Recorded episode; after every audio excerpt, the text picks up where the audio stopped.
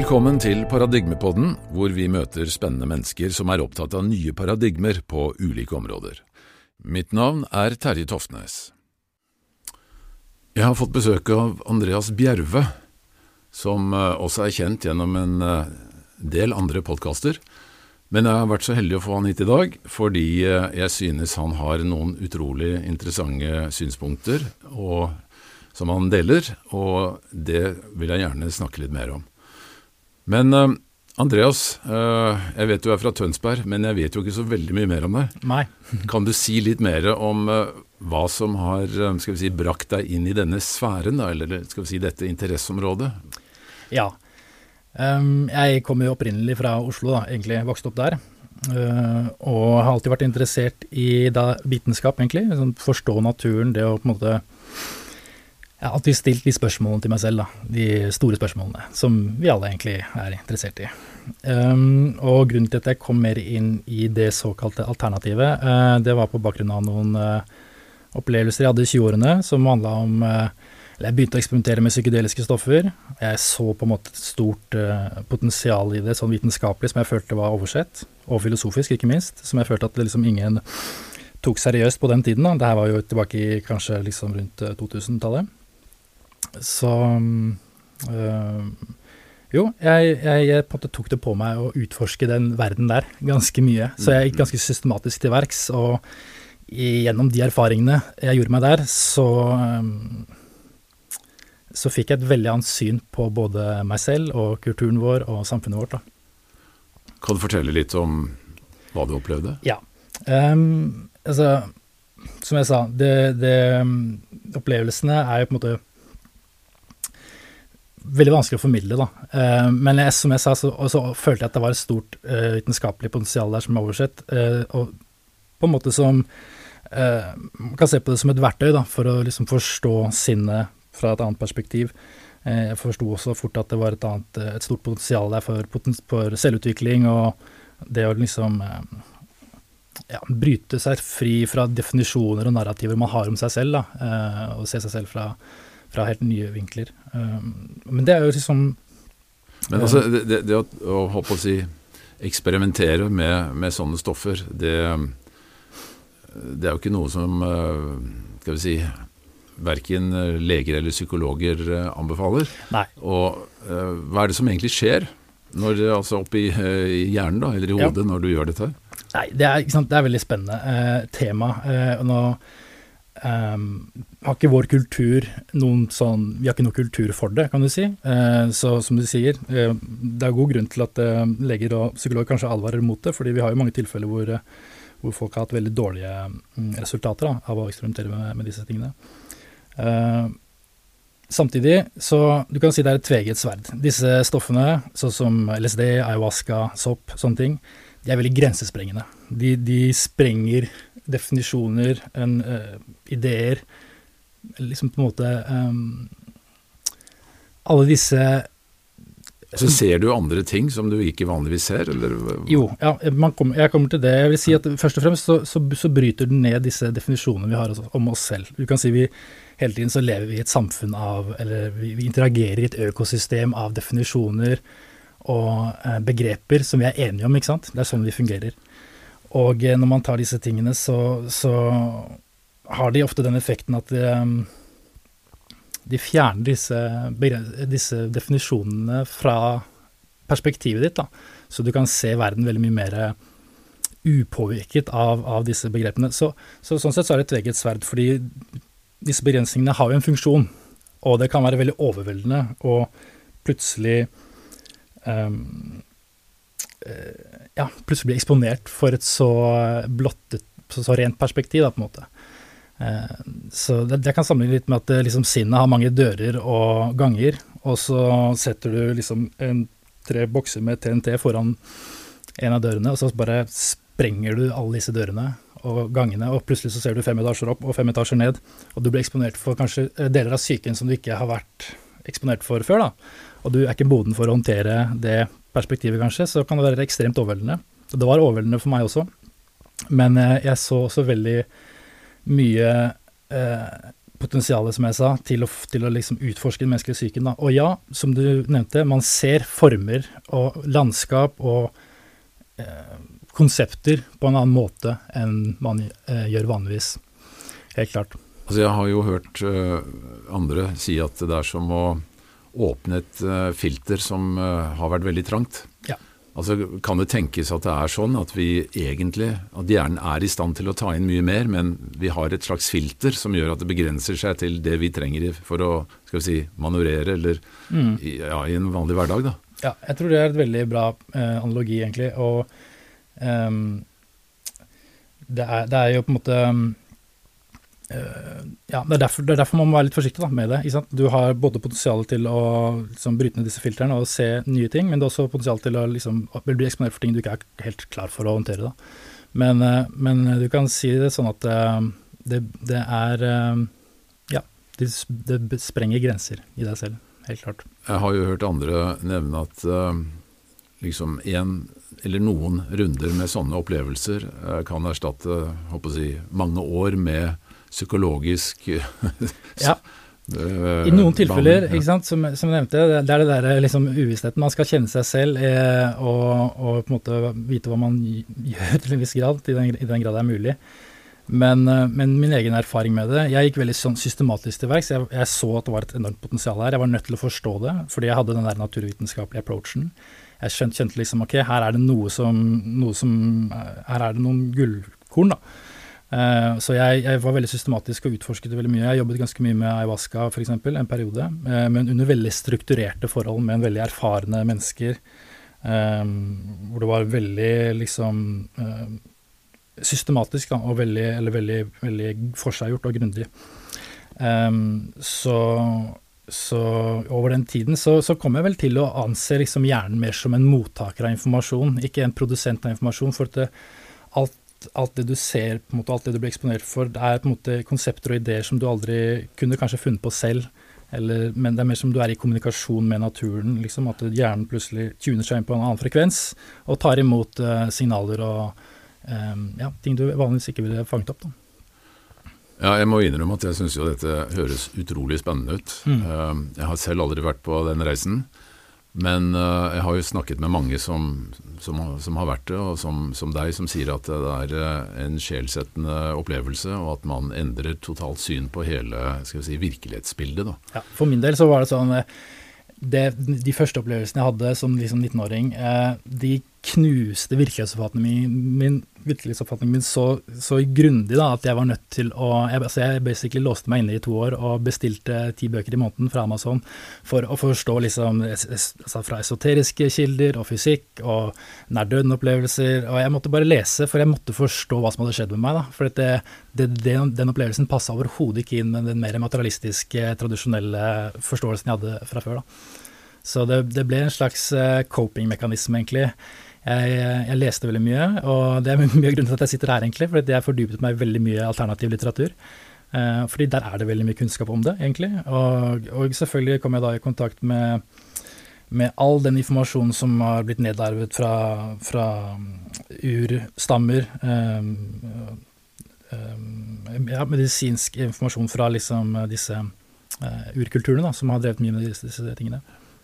Ja, jeg syns jo dette er utrolig spennende. Mm. Og det som jeg også syns er eh, spennende, er at det går an å tilegne seg utrolig mye kunnskap eh, om når du, altså du kaller den alternative siden. Eh, kanskje den egentlig ikke er altså Den er jo alternativ fordi at den ikke eh, stemmer med skal vi si, det vi kaller for eh, mainstream science, da, eller altså skal vi mm. si, den eh, skal vi si, aksepterte vitenskapen. Mm. Og Derfor så, så, så bryter den på en måte grenser, ikke sant.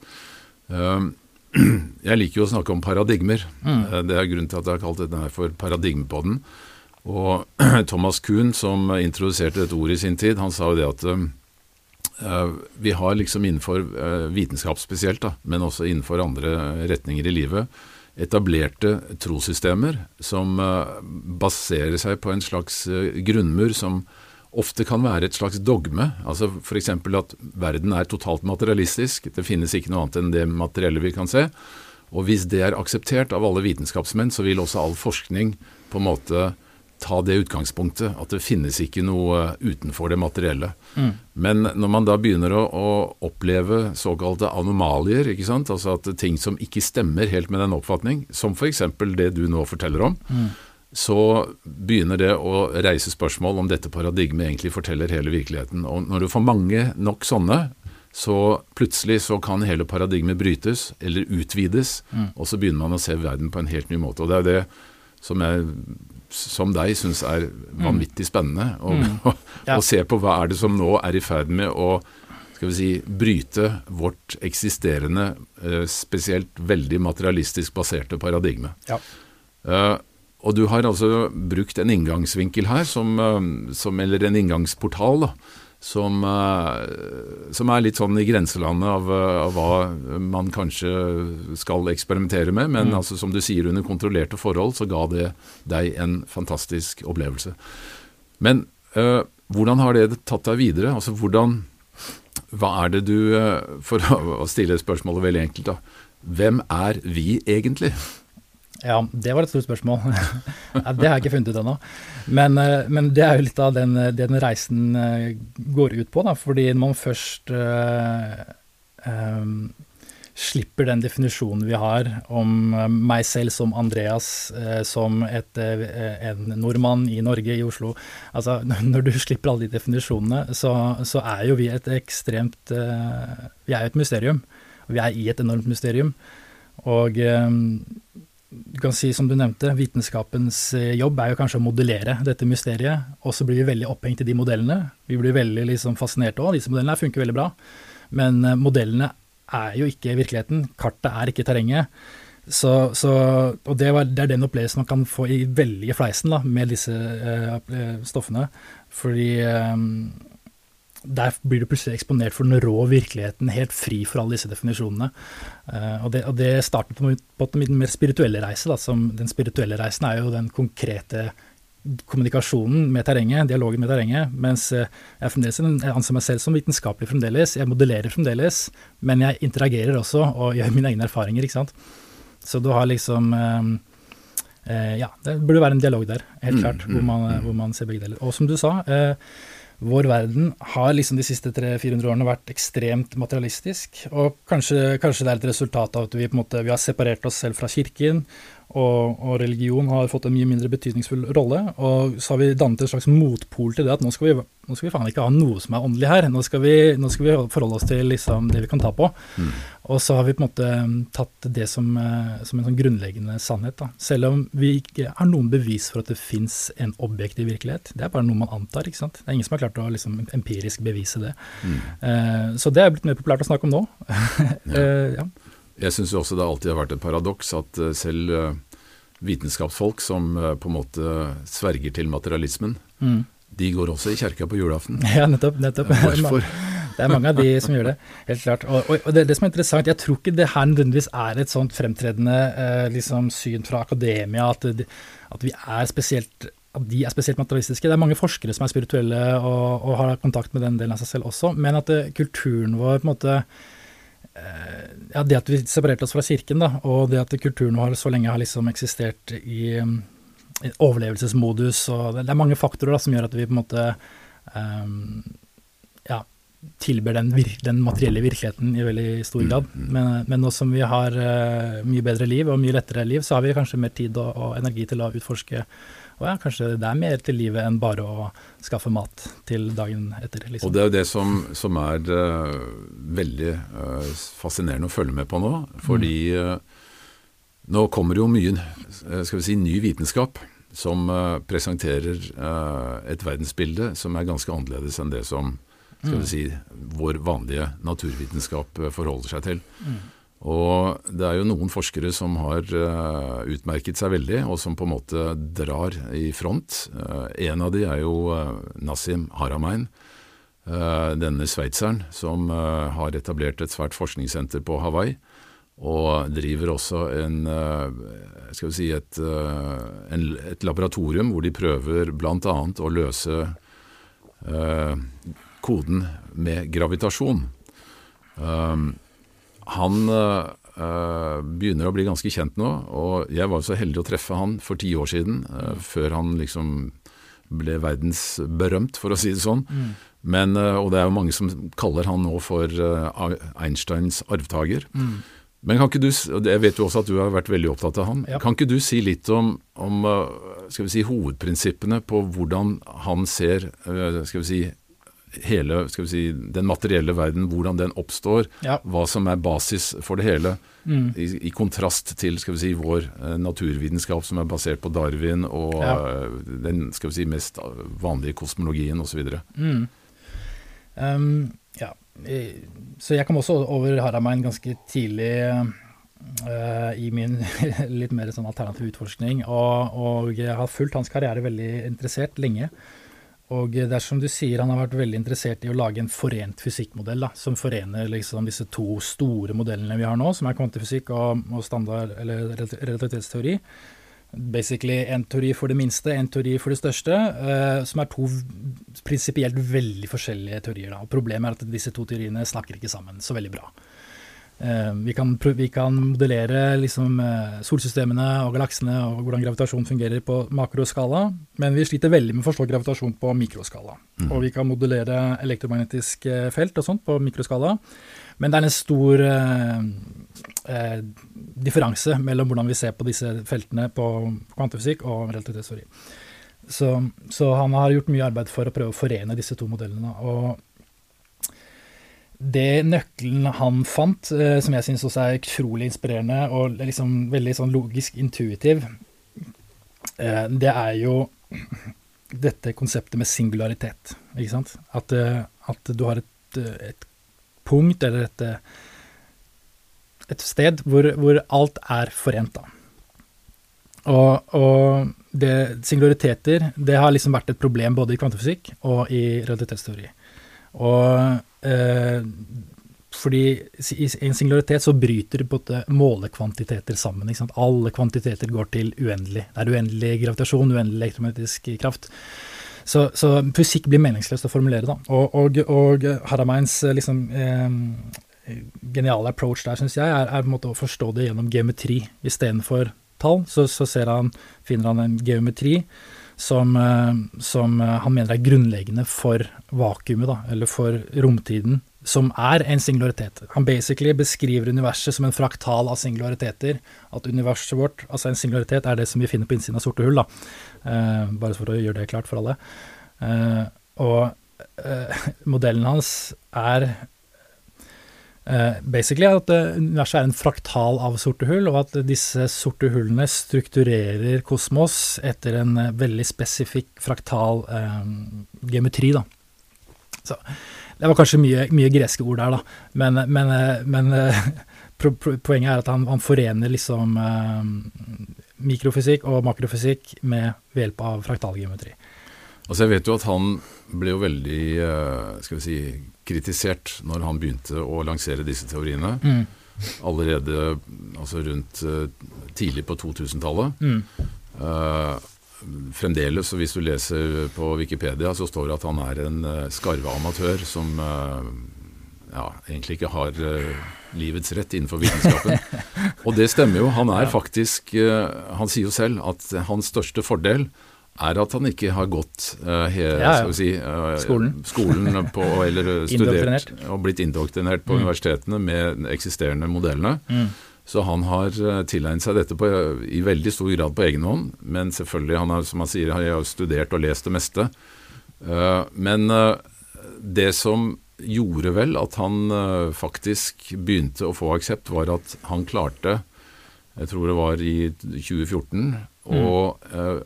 Beregne protonets radius. Mm. Først protonets masse, og så protonets radius. Ja. Uh, mer nøyaktig mm. enn det som er i den skal vi si, vedtatte standardmodellen, da, som uh, på en måte har styrt hele kvantefysikken. Det var ganske fantastisk, faktisk, fordi han, han, han utga de papirene bare noen måneder før uh, en partikkelakselerator i Sveits bekreftet det. Da. og det ble en veldig stor sånn, liksom, skandale i, i, fysikken at shit, protonradiusen er 0,04% mindre enn det vi antok. Uh, og så, Det er veldig teknisk alt det der, men det har mye å si. da, Det gir, det gir liksom ringvirkninger i alle andre modeller ikke sant, osv. Mens, uh, mens uh, Og de tallene på en måte Uten at det skal gå veldig sånn teknisk til verks her, så de tallene som Nassim kom fram til, de, de, de behandler protonene De ser protonene i relasjon til den, det universet det opptrer i. da. De ser på protonene som en fundamental størrelse, et, et fraktalnivå, om du vil, hvor, hvor hvor du finner liksom en, en, type singularitet. Da. Så han, han, han, har jo også sagt at protonene har en ekstrem høy masse, som han også har fått mye kritikk for. ikke sant? At protonene har liksom uh, basically hele universets masse i seg. Men um, ikke, i, ikke liksom um, ja, det er, det er, så Han har fått mye kritikk for det, da. Men han basically sier jo at, at, all informasjonen som vi ser i hele universet, hvis man reduserer alt til informasjon, altså energi i sin minste enhet kan ses på som informasjon, en bølgelengde kan ses på som en liten bit av informasjon, ikke sant? Mm. såkalt planklengde. Uh, han, han, sier basically at uh, protonet rommer uh, all informasjon til hele universet. Da. Hvert proton har en holografisk representasjon av all informasjon i hele universet. Ja, og det, altså det ordet holografisk det er jo også blitt et slags moteord. Mm. Eh, veldig kort kan du forklare liksom prinsippet med holografi? Eh, ja, jeg, nå er det som sagt, altså jeg vet jo det at eh, Unnskyld at jeg avbryter deg nå, men jeg vet jo det at uh, man kan bruke et, en analogi da, med, med den, altså disse holografiske bildene. Mm. Selv om ikke det er akkurat sånn som han beskriver det. Men hva er egentlig Hva betyr holografisk? Holografisk betyr helhetlig, basically det. Så, så altså at helheten er representert i hver del, da, eh, er liksom prinsippet. Eh, ikke, all den tekniske informasjonen er ikke fersk nok i hjernen min til at jeg kan eh, liksom formidle alt der helt klart, men, men, men la oss bare si at, at, at, grunnen til at han snakker om denne modellen er, som er holofraktografisk, eller holografisk, er, er, er jo akkurat det at hver proton kan ses på som en refleksjon av alle andre protoner. Da. Så hver proton har, alle, har um, alle, alle, alle annen informasjon holografisk uh, representert.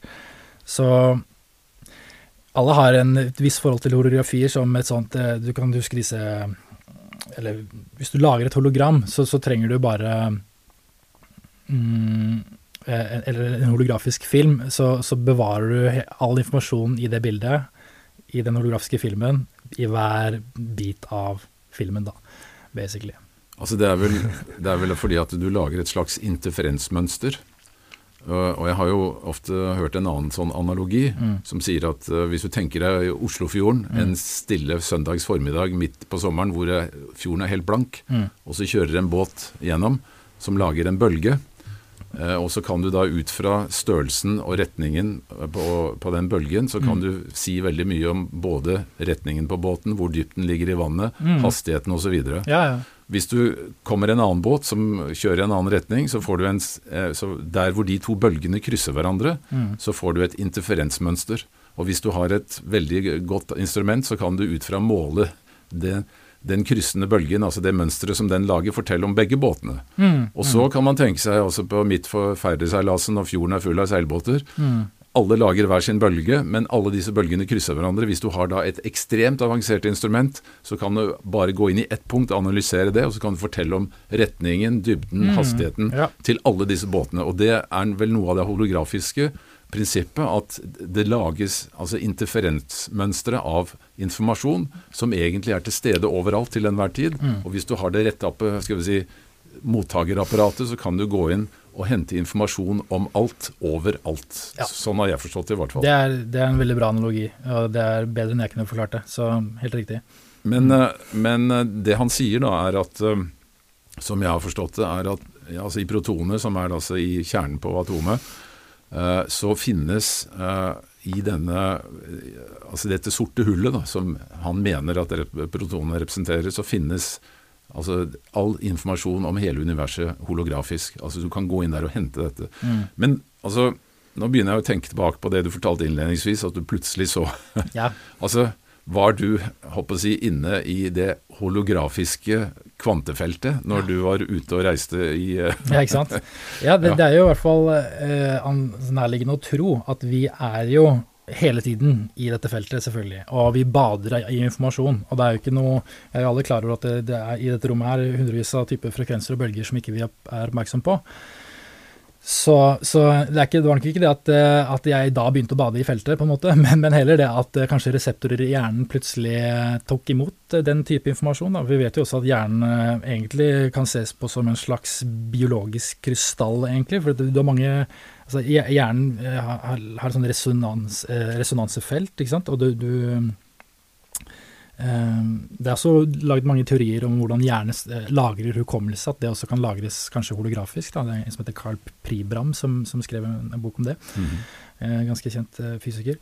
Ehm, så så, så, den ideen om at kanskje hjernen er som en slags eh, stemmegaffel eller, eller en slags radiostasjon, radiomottaker, som kan på en måte tunes til um, andre frekvenser, er, eh, er, den resonnerer veldig med meg. Det, det, det, matchet veldig med de opplevelsene som jeg hadde i den perioden. Med disse opplevelsene. At, at, ja, at hjernen er, er, mer som en mottaker av informasjon. Og at vi er jo i disse feltene hele tiden. Vi er hele tiden i dialog med hverandre, egentlig, på veldig mange plan. Mm. Um, så, så, selvfølgelig, hvert proton er kanskje connecta til alle andre protoner som et slags nettverk av markhull. Uh, og det vil si at all materie er en sammenhengende organisme, da, egentlig. ikke sant? Uh, Men nå, nå, kommer du med et nytt begrep som, vi, som du kaller markhull, eller wormholes, yes. som det vel heter på engelsk. Mm.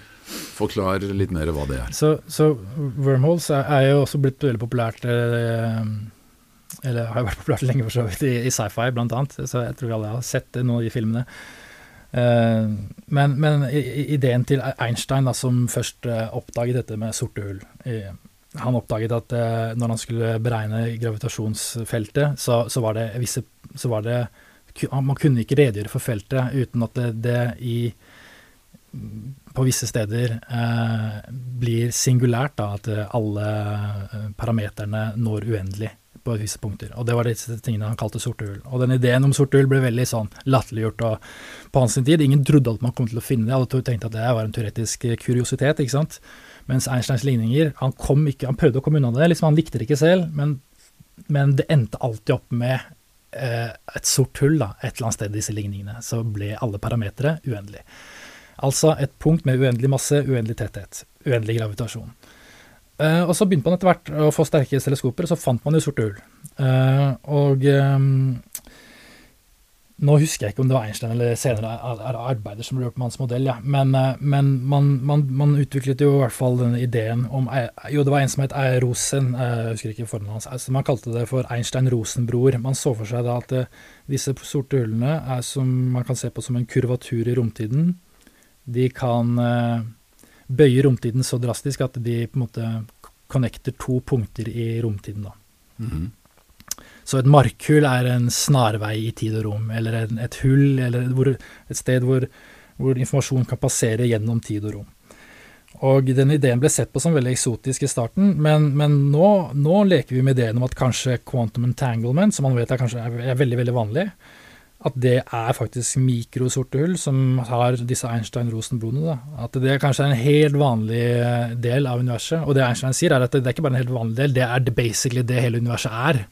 Er wormholes som kommuniserer med hverandre. At alt er egentlig informasjon som, eh, som er sammenvevd i, i, et nettverk av, av eh, markhull. Da. At romtiden basically er ja, som en sveiserost. Eh, jeg vil gjerne gripe tak i det uttrykket du brukte akkurat nå med, med quantum entanglement. Mm. Uh, det, og da tenker jeg sikkert du uh, tenker på dette forsøket som ble gjort Jeg tror det var en franskmann som het Alain Aspect, som gjorde det på første gang midt på 80-tallet. Mm. Hvor de sendte Altså de hadde et De sendte en, en laserstråle, eller med protoner, mot en en, eh, skal vi si, et karbonlegeme, som, altså en slags prisme, mm. slik at denne strålen ble splittet i hver sin retning. Og så kunne de måle, så hadde de da detektorer på høyre og venstre side som kunne måle, eh, si, registrere disse fotonene. Mm. Og så viste det seg at når de utsatte, eh, eller polariserte lyset, da, satte en sånn polar, polafilter foran de, den ene strålen, så ble lyset polarisert, altså vil si at det ble helt koherent. Og da skjedde det samme med lyset i den andre enden. Mm. Og uansett hvor langt fra hverandre disse, disse si, registreringsplatene var, da, eller Mm. disse sensorene, så skjedde det samme.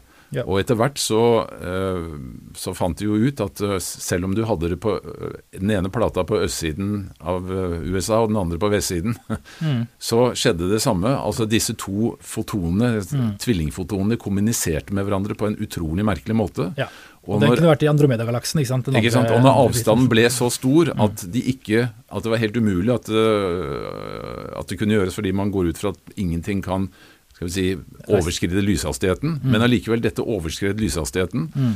Sånn at man skjønte at det måtte være en forbindelse mellom den ene tvillingen og den andre. Mm.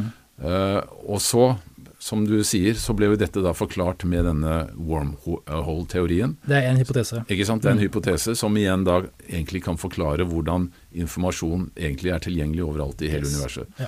Og det i seg selv, altså når du begynner å tenke på det sånn, Mm.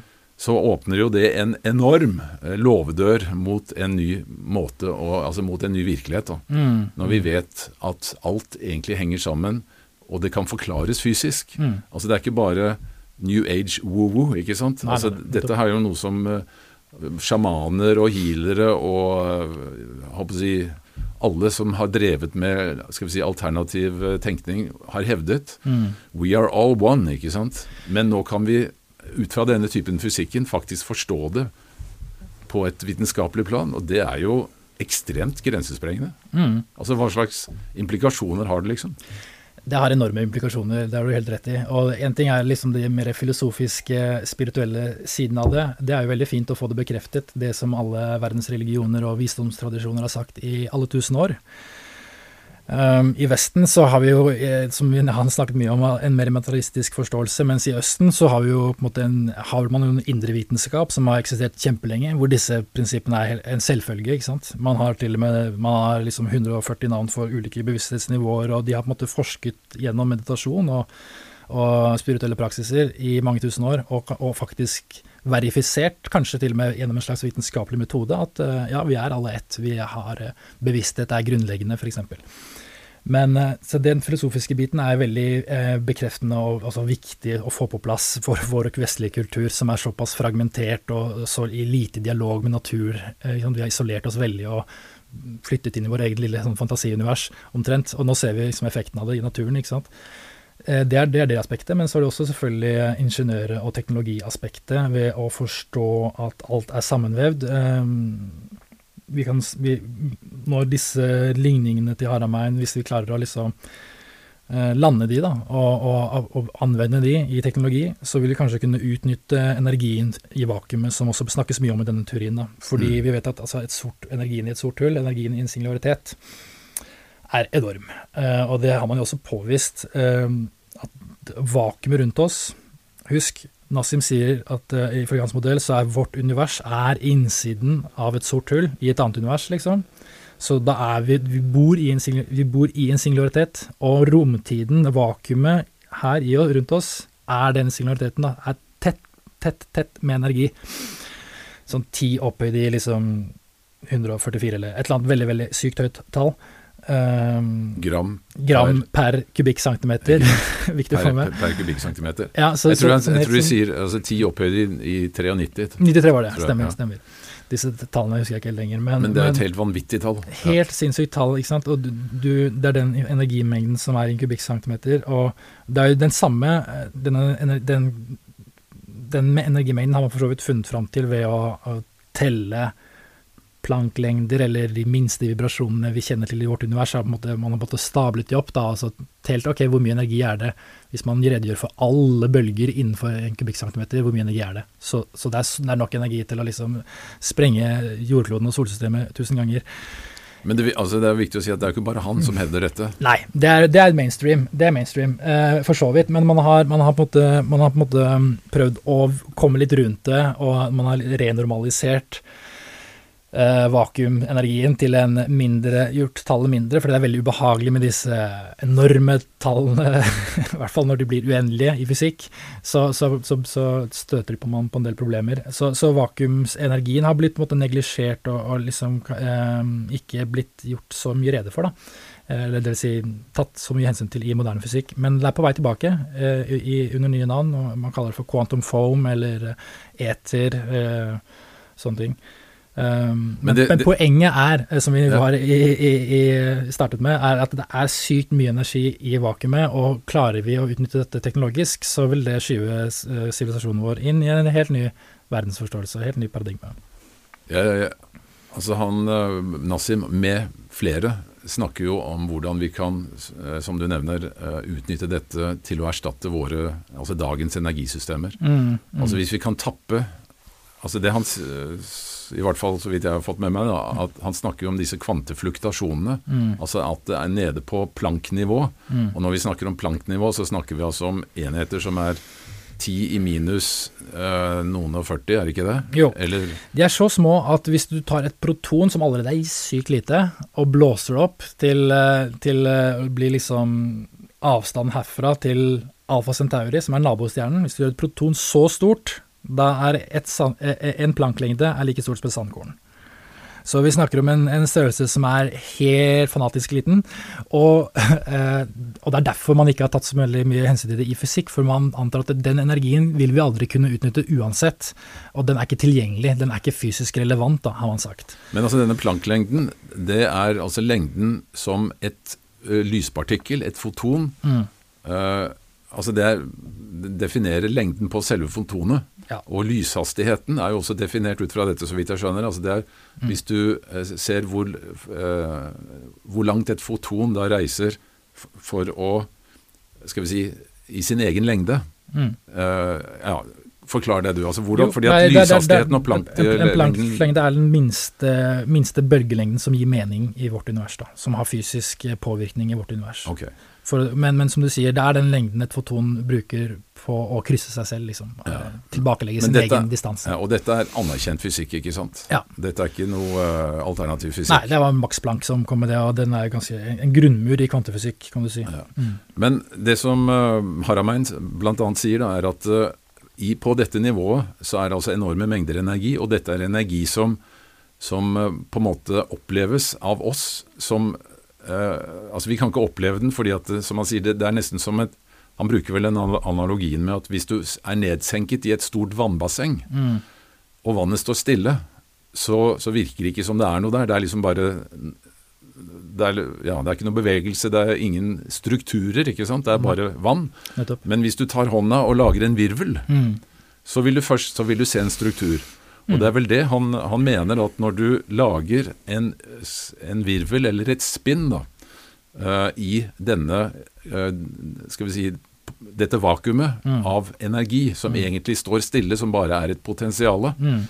uh, så dannes det da en, en, en, materie. Form, liksom. En form. Og jeg, og jeg mm. hørte jo også en annen sa at nesten, du kan sammenligne også med en gitar. Mm. Altså en gitarstreng, den representerer når den står i spenn, så mm. har den en, en, energi som egentlig står helt stille, men mm. i det øyeblikket du tar fingeren borti, mm. så plutselig begynner den å, vibrere, og så blir det til noe. Ikke sant? Da blir det til lydbølger. Og er det sånn det fungerer da? Eh, er det sånn masse skapes ved at denne vakuumenergien begynner å spinne? Ja, det er jo det som er hans idé. At, eh, at um, siden universet er polarisert, at at ting eh, naturlig vil, vil, begynne å spinne. Eh, og eh, som du sa, la oss se denne romtiden vi lever i, dette universet vi lever i, som, som et hav av energi. Og eh, når, når, det oppstår eh, en virvel eller en, en spinn i dette havet, så vil det konvertere noe av det energipotensialet det vil eksitere, altså det vil forstyrre den balansen som er allerede i det havet av energi, altså å konvertere noe av den energien om til eh, synlig energi eller materie. da, Masse. Eh, og det, det, er liksom typisk eh, vår kultur, kanskje, og vår, vår uh, veldig reduksjonistiske vitenskap å bli veldig fascinert da av det manifesterte. ikke sant? Oi, se der er det en partikkel, la oss knuse den, la oss studere den, la oss se, jeg finner flere partikler her. Uh, og vi er veldig opptatt av form, naturligvis. Men kanskje hemmeligheten ligger i det formløse. ikke sant? Kanskje det er der nøkkelen mer ligger, og det er der beregningene våre også er veldig interessante. akkurat dette med at det er så enormt energitett dette er. Men altså, hvis du da tenker at det, det starter et spinn, Ja. uh, så er det jo selvfølgelig Neste spørsmål er hva er det som starter det spinnet? Mm. Og, og spørsmålet deretter er jo hva er det som eventuelt organiserer dette spinnet, sånn at Ja. eh, det, det blir liksom en struktur som kan få noen betydning, mer enn at det bare blir et kaos. Mm. Uh, så når eh, forskere ser tilbake nå på universet, så, så de, man ser med kikkert ut i universet, så ser man tilbake til universets barndom, for man ser tilbake i tid. Uh, og da ser man masse sorte hull. Og universet, nei, mener fysikere og kosmologer, de spør seg selv veldig ofte hvordan i all verden klarte disse sorte hullene å bli formet så tidlig i universets spede barndom?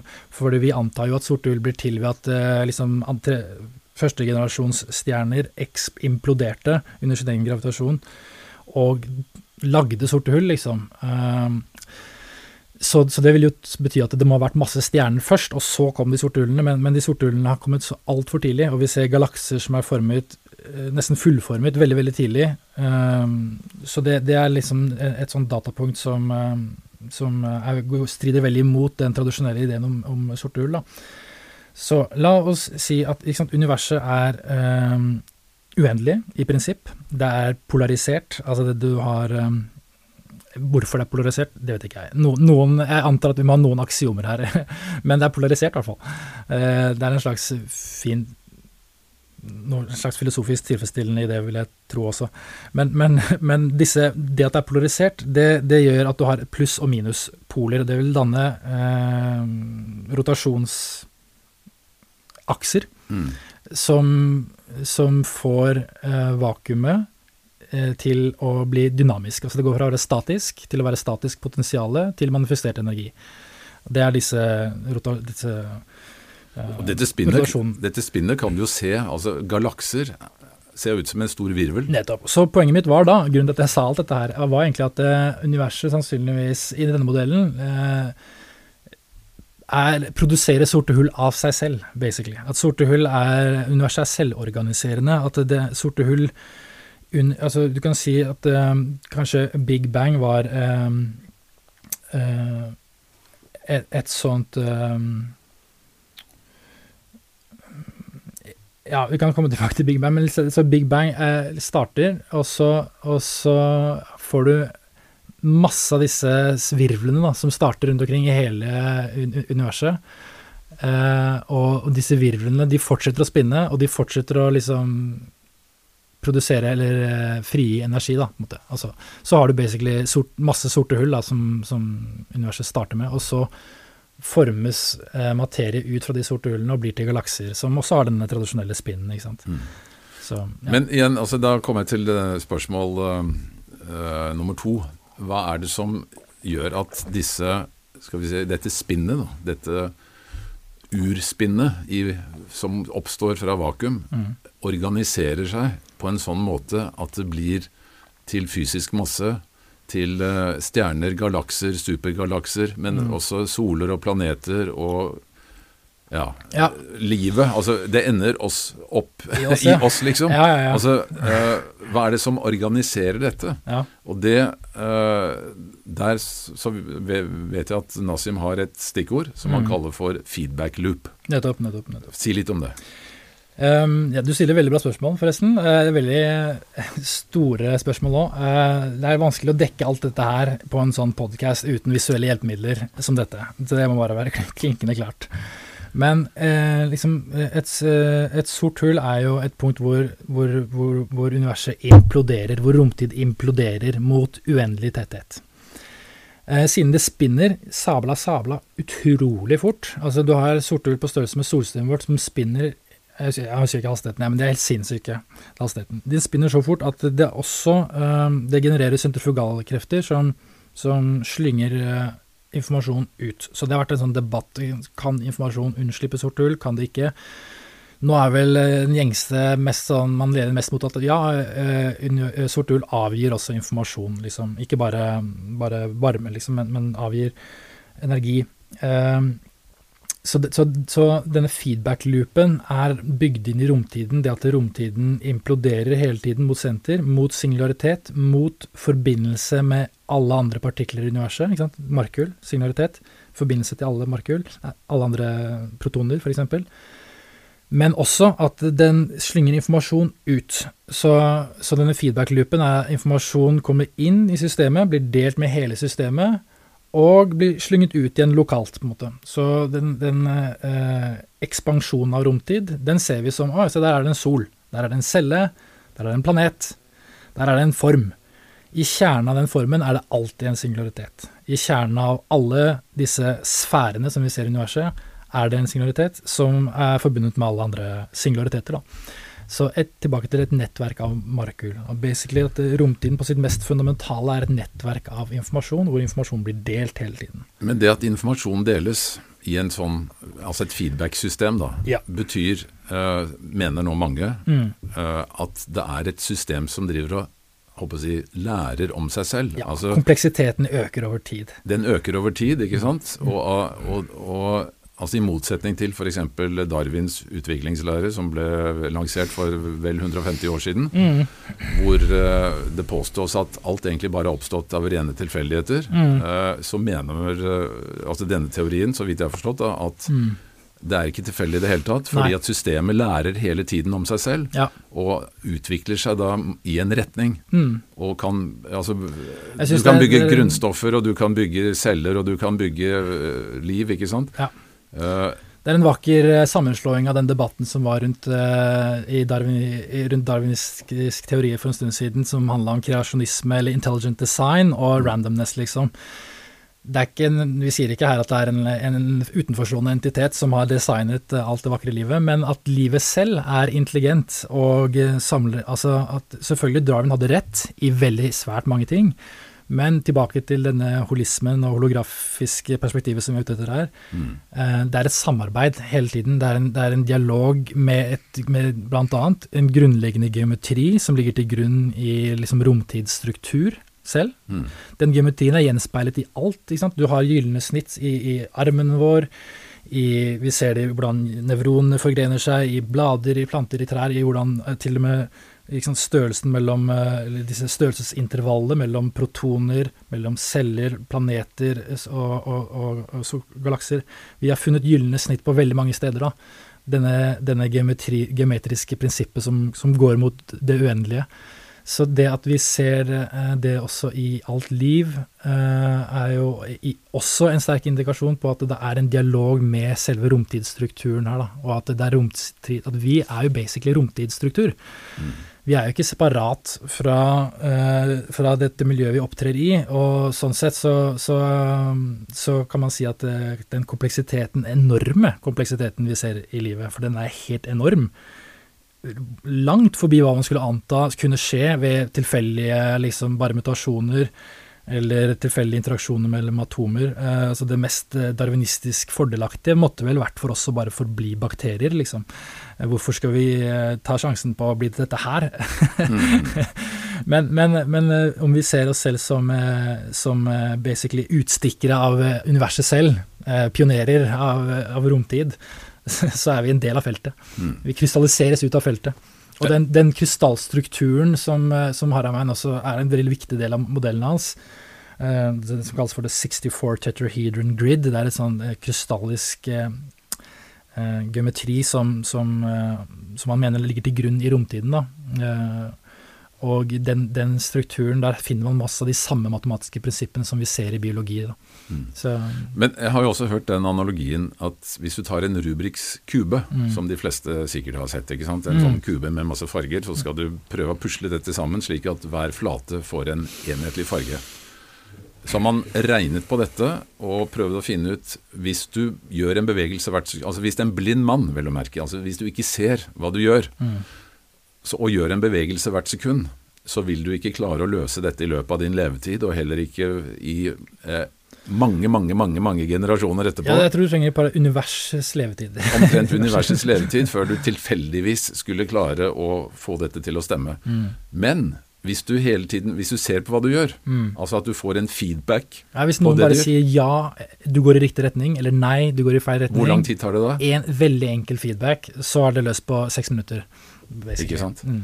Og det sier litt om denne Og det er jo det han også øh, snakker om, denne feedback-loopen. At det er sånn universet utvikler seg. At det får hele tiden feedback på seg selv. Mm. Ja. Hver gang det lages en ny struktur, Mm. så kan man bygge videre på det fordi man, øh, man ser hva man gjør, da, for å si det sånn. Mm. Men øh, så da kommer jo liksom igjen da dette spørsmålet Det må jo da være en intelligens som er i stand til både å observere og reflektere og ta et valg når det gjelder selve utviklingen av strukturer. Altså Én ting er å liksom lage grunnstoffer, Mm. men, men det å bygge opp biologiske, eh, biologisk liv, da, Mm. celler, flercellet liv, uh, som, som et menneske, så så må du altså En ting er at universet lærer om seg selv, og på en måte gjennom feedback uh, Skal vi si gjør riktige valg, men det må jo tross alt være noe som kan evaluere dette. Det må være en intelligens som styrer dette allikevel, føler jeg, da. Altså det, Ja, e- evalueringen skjer vel naturlig, gjennom naturlig utvalg, om den organismen er eh, kapabel til å overleve eller ikke. Så, det, så der kommer darwinismen kanskje litt inn. Men, men systemet er jo åpenbart intelligent. Altså enhver Du kan jo seriøst liksom se på omgivelsene våre og si at det ikke er en slags iboende intelligens. Du får ikke heller intelligente prosesser som oss av uintelligente prosesser. Eller, og hvor er det skillet, liksom? Hvor, hvordan, hvor, når er det vi sier at ok, her har vi en levende prosess. Det er døde prosesser. Disse atomene som krasjer i hverandre og interagerer med hverandre, disse temperaturdifferansen og alt dette her, det her er døde prosesser. Men når cellene begynner å dele seg, så da er det liksom en levende prosess, da. Eh, men du får ikke levende prosesser av døde prosesser. Det er en sammenheng her. Og så har vi selvfølgelig lagd en kunstig definisjon mellom at eh, ja, greit, når, eh, når vi ser cellereplikasjon, så kaller vi det liv. Men, men, men universet opererer ikke med disse eh, definisjonene. Det Universet er én sammenhengende enhet, og det, er, det ligger i ordet univers. men kan vi si at universet selv altså er faktisk en levende organisme? Og at som da tydeligvis må ha en slags form for bevissthet eller intelligens? En slags kosmisk intelligens? Ja, ja det er vel litt, jeg, jeg, både mine opplevelser og, og mine liksom, filosofiske resonnement eh, tilsier at jeg kan ikke, kan ikke se på det på noen annen måte enn det. At, eh, at intelligens og bevissthet og våkenhet, eller liksom selvrefleksjon, er kjernen av universet, og at alt annet oppstår som en eh, konsekvens av det. da. I, i, hans, eh, I den holofraktografiske modellen så kan du kanskje se for deg at bevissthet er det at informasjon krysser eventhorisonten og, og blir delt med, med liksom helheten. Da. At det, den eventhorisonten er bevisstheten. At det er der vi er, møter verden. Nå begynner vi egentlig å snakke om et slags underliggende konsept for livet. Ja, en modell for bevissthet. En en slags modell for, eh, for vår type bevissthet. Mm. Men vi også, ikke sant, i, i de østlige lærene så snakker man også om absolutt bevissthet, og det absolutte beskrives jo ofte som et hav av hvor det ikke er noen differanse. Ergo ingen opplevelse. Ingen egentlig bevissthet, ingen dynamisk Men det, dynamikk, men det absolutte, eller Gud, eller liksom det som er uforanderlig, da, der prinsippene eksisterer. Eh, ren potensiale. kan Så- det være dette kvantefeltet man snakker om? At det er også altså det, det, det, Denne statiske energien, at Ja. det er si, potensialenes verden, som da realiseres ved at virvler eller spinn oppstår, Mm, mm. eh, eller genereres for å skape, for å realisere potensialene. Ja, det, Er- jeg syns det, det det er et veldig fint perspektiv. Ja. Jeg liker å leke med alle disse perspektivene. Som, som, nevnte, som vi snakket om tidligere, så er det jo vi, vi utvikler modeller her, og så prøver vi å få modellene til å stemme overens med virkeligheten. Om det, om det er tilfellet det vil, En modell vil alltid være en modell, da. men min opplevelse er akkurat det du sier. Når jeg mediterer, så connecter jeg med noe veldig dypt og permanent og uh, stort. da, Mye større enn individet meg. Uh, så, så jeg føler at jeg er i kontakt med feltet, ja, og at det feltet er uh, uendelig stort og har et uendelig potensial. Men og, mm, en implikasjon av dette er jo, må jo også da være at alt det jeg opplever, alt det jeg tenker, alle mine følelser, alle mine sanseinntrykk, de må jeg også da på en måte kringkaste inn i dette feltet. Slik at jeg egentlig er med på å påvirke Mm. utviklingen Ja, av ja. totaliteten. Ja. Selv om det er i veldig liten skala, da, fordi at vi er mange av oss. Ja, det er morsomt eh, akkurat det der. Og, og, og Harheim går jo ganske konkret i verks der også, på en måte. fordi hvis man ser på, hvis man ser på denne fraktalstrukturen han har, så kan du se på vår planet som en eh, en fraktalnode, altså et punkt hvor vi har alle en felles forståelse, en felles eh, forankring i samme virkelighet. For du er, du er annerledes enn meg, men ikke så veldig mye. Vi har mest til felles, eh, og det gjelder egentlig alle på denne planeten her. Til og med, Vi deler jo 90, ja, ganske mange prosent med genetikken til en bananflue, ikke sant. Så vi er ganske like, eh, og vi har en ganske lik måte å se på verden på. Og vi er samlet på det samme lokale området i universet, hvis det gir mening. Eh, Vi kan si at universet har kanskje eh, Eller altså det, er uendelige måter å tolke virkeligheten på, men vi tolker det alle ganske likt da, i vårt lokale miljø. På en måte. Men altså, når du ser verden på denne måten, da, at alt egentlig kommuniserer med alt, at det er en informasjonsutveksling Mm. eh, som foregår hele tiden, så i hvert fall for meg så begynner da en del sånne brikker å falle på plass når det gjelder fenomener som vi før ikke har kunnet forklare, Mm. som f.eks. dette med synskhet, da, eller remote viewing. altså at du Mm. kan Altså Vi vet jo f.eks. at amerikanerne, og også russerne, Mm. drev og spionerte på hverandre på 80- og 90-tallet ved at de Mm. hadde såkalte synske medier som kunne sitte på et kontor og tegne altså bilder av eh, installas militære installasjoner Mm. på den andre siden av jordkloden. ikke sant? Ja. Og jeg har vært så heldig en gang å treffe han som var leder for det amerikanske prosjektet som het eh, Stargate. eh, Edwin May. Mhm. Og han forklarte at dette De hadde 20 sånne medier. og de brukte de til å, å skal vi si, spionere da, på russernes installasjoner. Og han sa at det var ikke 100% nøyaktig alltid, men langt, langt over det som ville være tilfeldig. Og det var veldig verdifullt når du brukte det sammen med annen type etterretning. Mm. Og de brukte det også til å spotte ubåter fra Sør-Amerika som kom med narkotika til Florida. Mm. Han sa at disse øh, som kjørte disse ubåtene, de kunne ikke fatte hvordan plutselig altså kystvakten kunne dukke opp midt oppe på havet og ta de. Mm. For det, men dette var synske medier som hadde Ja, ja. spotta dem. Sånn at dette med, øh, med synskhet, altså med evne til å, å se langt utenfor din egen skal vi si, visuelle øh, virkelighet, Mm.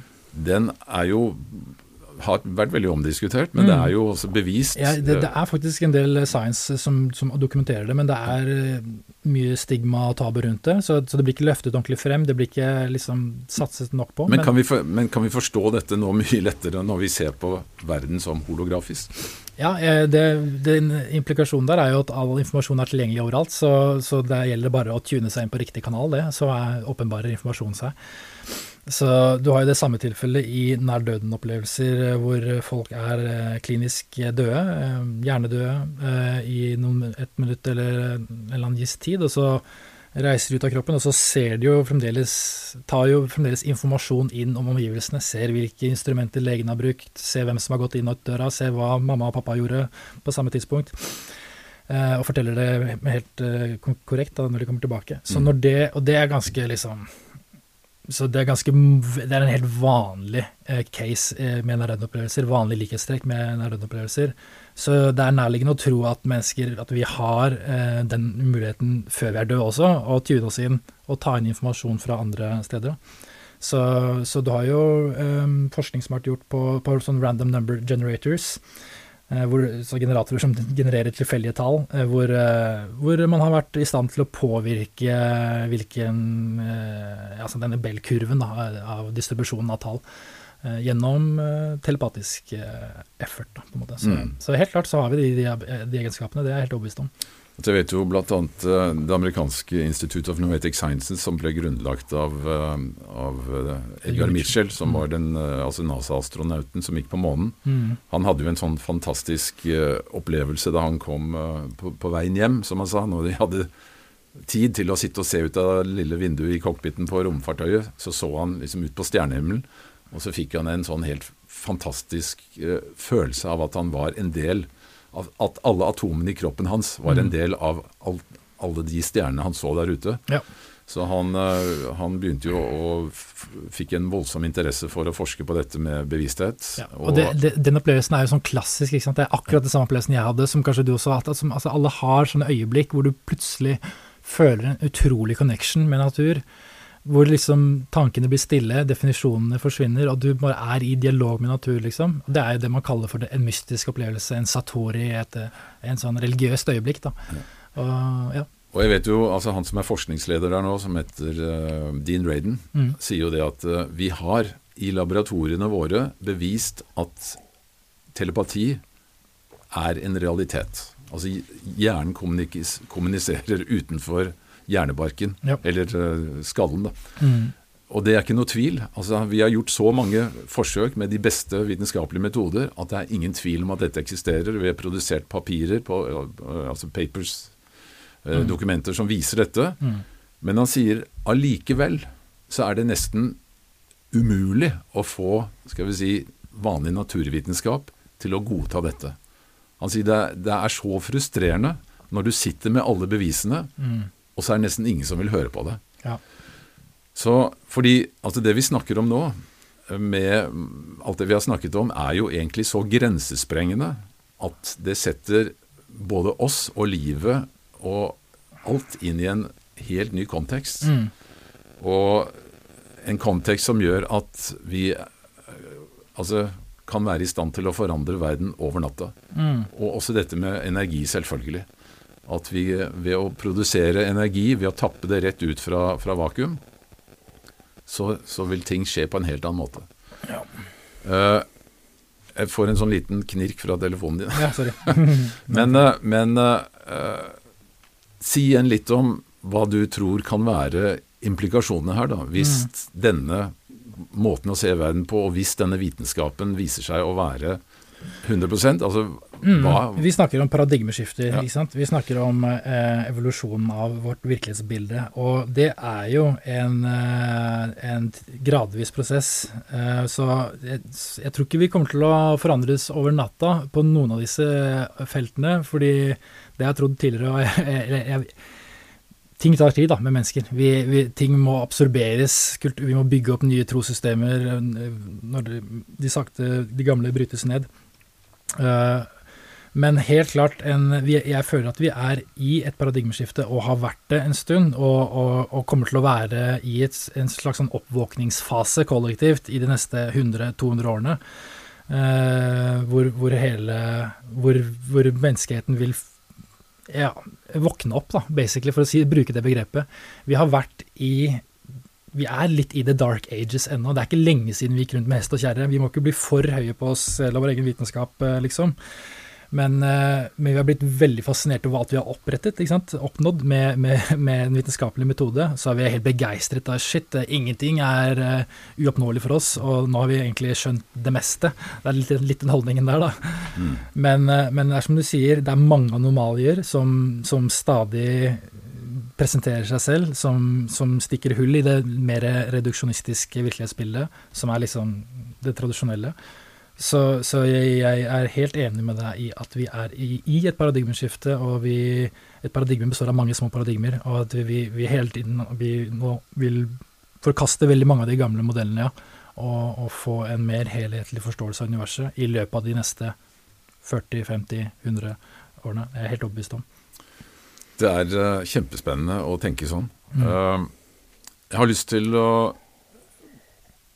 utforske et lite tema til. Ja, Altså et en, stort tema til. en, en, en av disse såkalte anomaliene. Mm.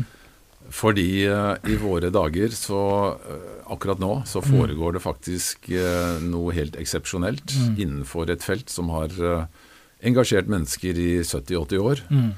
Um, jeg ble selv veldig fascinert av dette UFO-fenomenet da jeg var eh, allerede tolvåring, altså Ja. tilbake på helt starten av 60-tallet. Du hadde vært fascinert over det i flere tiår før jeg, når jeg ble født.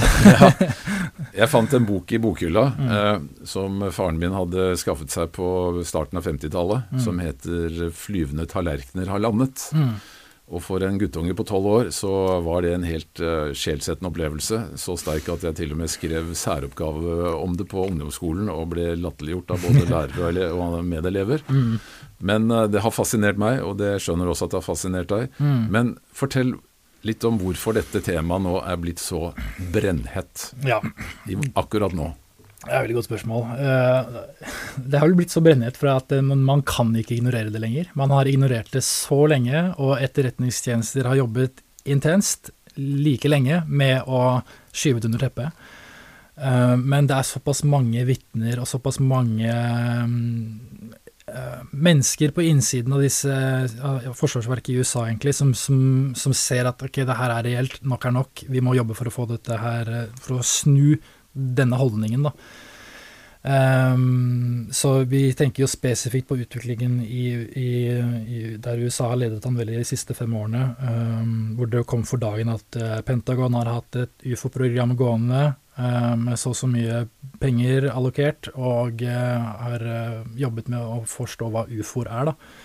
Men det var jo bare Det er bare to- topptuppen av isberget, ikke sant. Ehm, det har foregått en eh, ganske sånn synlig prosess, men også en usynlig prosess i de politiske eh, strukturene i USA siden da, eh, hvor, hvor det har vært mye lobbyvirksomhet, bl.a. av folk som har deltatt i dette tidligere UF-programmet, hvor de har prøvd å, eller hvor de har måte, informert Kongressen om, om hva de har funnet, da, og alt det der. Og så har det, det, har, det har laget en skal vi si, ja, Det har blitt en prosess da, hvor, eh, hvor det har blitt tatt mer og mer seriøst, og hvor det har kommet mer og mer materiale til overflaten. Ja, for det har nettopp vært en høring også i Kongressen. Ja. Med kjente politikere som eh, snakker om dette. Det er jo nesten eh, Mm. Det er ganske utrolig at media ikke er mer på ballen, og det, det viser hvor sterkt stigmaet er fremdeles. Eh, fordi denne måneden her så, så har Kongressen liksom eh, kommet ut med, med lovverk for uh, uh, neste år, hvor, hvor, det, hvor man skal beskytte uh, deltakere av, i, i UFO-program, altså som vitnebeskyttelse, da, for å få de til å komme frem og fortelle sine historier. Og de har Ja, det, bare den rapporten i fjor som var veldig byråkratisk og tørr og kjedelig. På det mest grunnleggende så bekreftet jo den rapporten fra denne komiteen som het UAP Task Force, den bekreftet at eh, noen ufoer Altså de, altså, de hadde 144 caser, de hadde løst én av casene. I disse andre casene så er det noen tilfeller hvor du har eh, uinvesterte objekter som utviser teknologi som ikke vi forstår, og som ikke antas å være liksom, menneskelig. Da. Så det er, det er eh, ganske Det er ganske vilt eh, at eh, et sånn rapport kan bli frigitt. At Kongressen nedlegger komiteer som skal analysere ufoer, og at ikke det snakkes mer om. Greit, det blir, det blir snakket noe om, men det er ikke førstesidestoff ennå. Så det, er, det, det, tar liksom ikke, får liksom ikke helt tak enda i, i, i mediene. Men altså, nå kalles jo dette for UAP, som betyr eh, Ja. Unidentified Aerial Phenomenon. Mm. Altså, de vil ikke kalle det UFO fordi det, Ja, det er mye stigma og sånne ting, og kanskje UAP er en mer riktig definisjon. Den siste rapporten som har kommet nå fra Kongressen, eh, er eh, Der kaller de det videre for eh, Aerospace Undersea Phenomena, eller Aerospace Undersea Anomalies.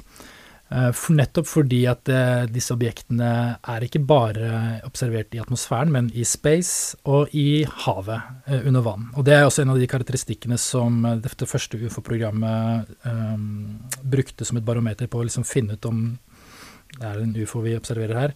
Du har disse fem karakteristikkene som er veldig vanlige i ufo-observasjoner. Det er at det er fysiske objekter som jeg vil ikke si svever, for de har ikke aerodynamiske egenskaper. De, de har ikke noen vinger eller propeller, eller ting, så de svever vel egentlig ikke, men de, de, åh, de holder seg flytende i lufta, da, basically, med en eller annen teknologi. Eh, Så de eh, holder seg svevende, og de kan akselerere med enormt tempo. De kan eh, krysse barrieren mellom luft og vann og space helt uten problemer. Det er noe vi sliter veldig med i vår teknologi. De kan også eh, skjule sin egen signatur, altså skjule sin egen, eh, sin egen eh, tilstedeværelse på radar eller andre detection-apparater. Eh, og de kan eh, de, Ja, de er, de er vanskelig å observere, da, basically. De, de eh, ser ut til å ha en slags cloaking eller et eller annet sånt. Jeg, var, jeg må bare skyte inn her. Eh, jeg var jo øh, så heldig å få treffe mange av disse forskerne som har forsket på dette i lang tid. Mm. Og vi lagde jo en film tilbake i øh, 2010 Mm. om det globale ufo-fenomenet i, i firmaet vårt. Mm. Uh, og eh, Så jeg ble også da tatt med av eh, NRK til eh, å lage et eh, Det var en sånn intervjurunde da, eh, hvor jeg skulle eh, snakke om dette temaet sammen med eh, den kjente norske eh, astronomen, Mm. som jeg ikke husker navnet på akkurat nå, men som de aller fleste kjenner. Som pleier å liksom være talsmann for alt det som skjer oppe i universet. Mm. Ah, nå kommer jeg ikke på navnet, men nok av det. Eh, eh, jeg fortalte jo da om at jeg hadde snakket med folk som hadde sett dette, opplevd det på nært hold, og det var, at det var tusenvis av vitnerapporter osv. Og, så Mm. og så sier han det at eh, ja, men eh, hvis dette virkelig hadde vært sånn som du sier, så hadde jo vi sett det. For vi sitter og ser i, i våre teleskoper Mm. daglig Ja, ja, over hele jorda. Mm. Og når vi ikke ser det, Mm, det ikke. så kan det ikke finnes. Veldig enkelt. Så jeg Science. mener det, det er helt relevant, øh, og jeg skjønner jo veldig godt det. Men, øh, allikevel så, så, så er jo dette noe som da øh, er på et nivå som nå tas veldig seriøst. Men jeg lurer på om du kunne si litt om hva det som egentlig sparket i gang denne aller siste uh, interessen. For jeg vet at det, Mm. det har kommet frem noen filmer og noen rapporter Mm. de senere årene som har gjort at amerikanerne ikke har klart å skjule dette lenger. Altså, Ja. Som har gjort at det måtte komme til overflaten. Ja. Eller- Fortell om en av de. Ja, ikke sant. Det det, det er liksom en lang prosess der. Jeg har vært interessert i det lenge før det ble liksom populært å snakke om, sånn sett. Eh, For jeg, jeg ble interessert i det som en del av den eh, utforskningen av eh, den større virkeligheten, da, alternative syn på virkeligheten og sånne ting. Så skjønte jeg jo veldig fort at ufo-fenomenet er også en av disse tingene som blir neglisjert. Ved siden av psykedeliske stoffer, ved siden av eh, spirituelle opplevelser, ved siden av nærdøden opplevelser. Alt som ikke passer inn. Ufoer passer veldig dårlig inn.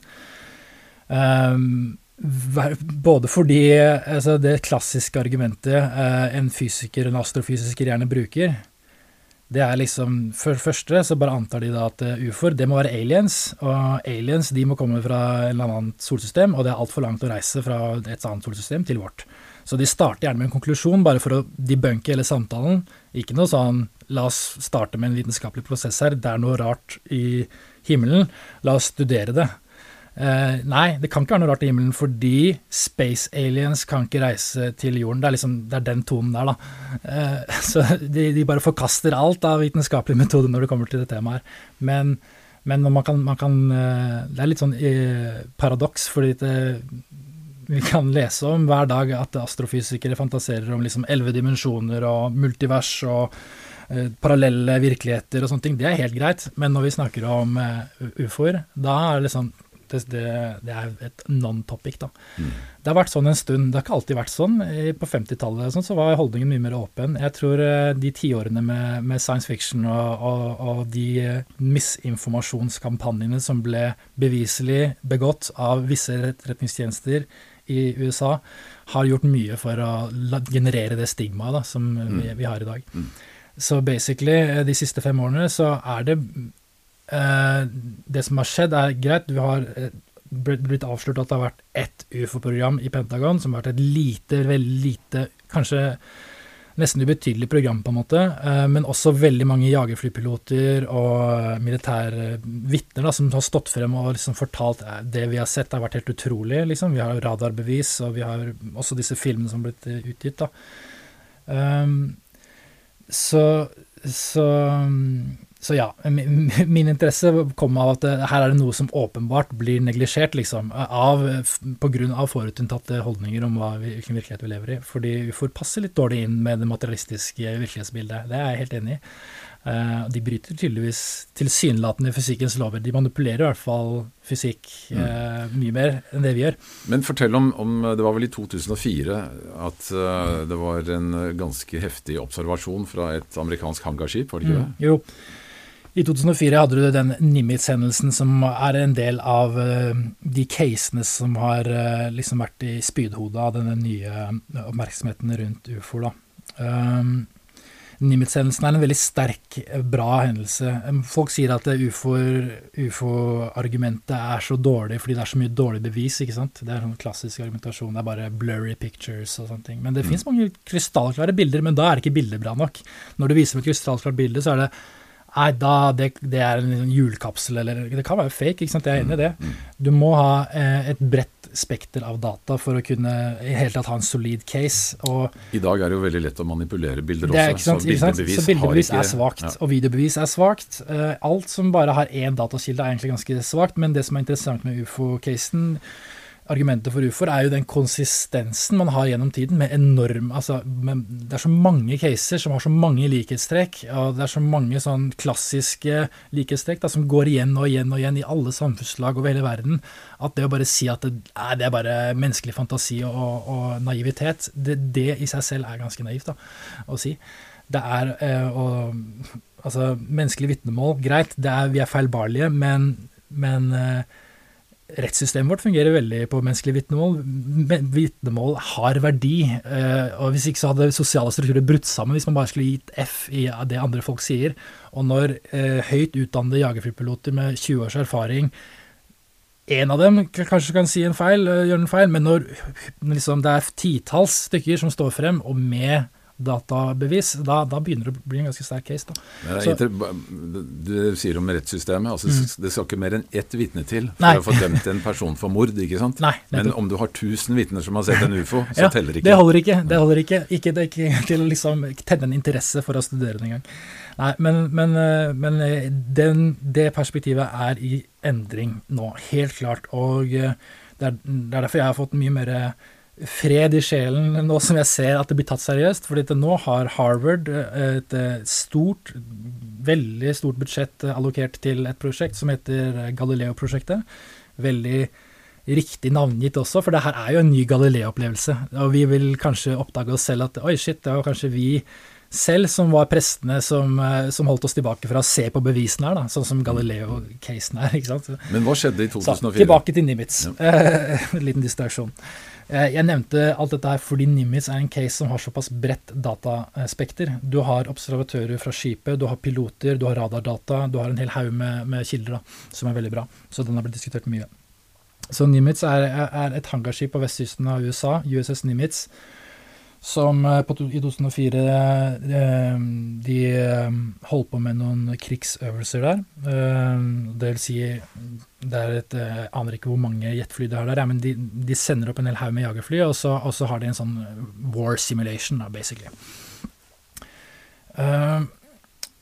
Fram til denne datoen hvor de skulle ha disse øvelsene, så ble det gjort, en, gjort merkelige radarobservasjoner i dette området som de skulle holde på da. Eh, Disse radarobservasjonene var eh, blipper på radaren av objekter som bevegde seg fra atmosfæren, veldig høyt oppe, mm, 80 km eller veldig, veldig høyt oppe, og ned til havoverflaten på liksom to sekunder, ett sekund. Veldig, veldig fort, da.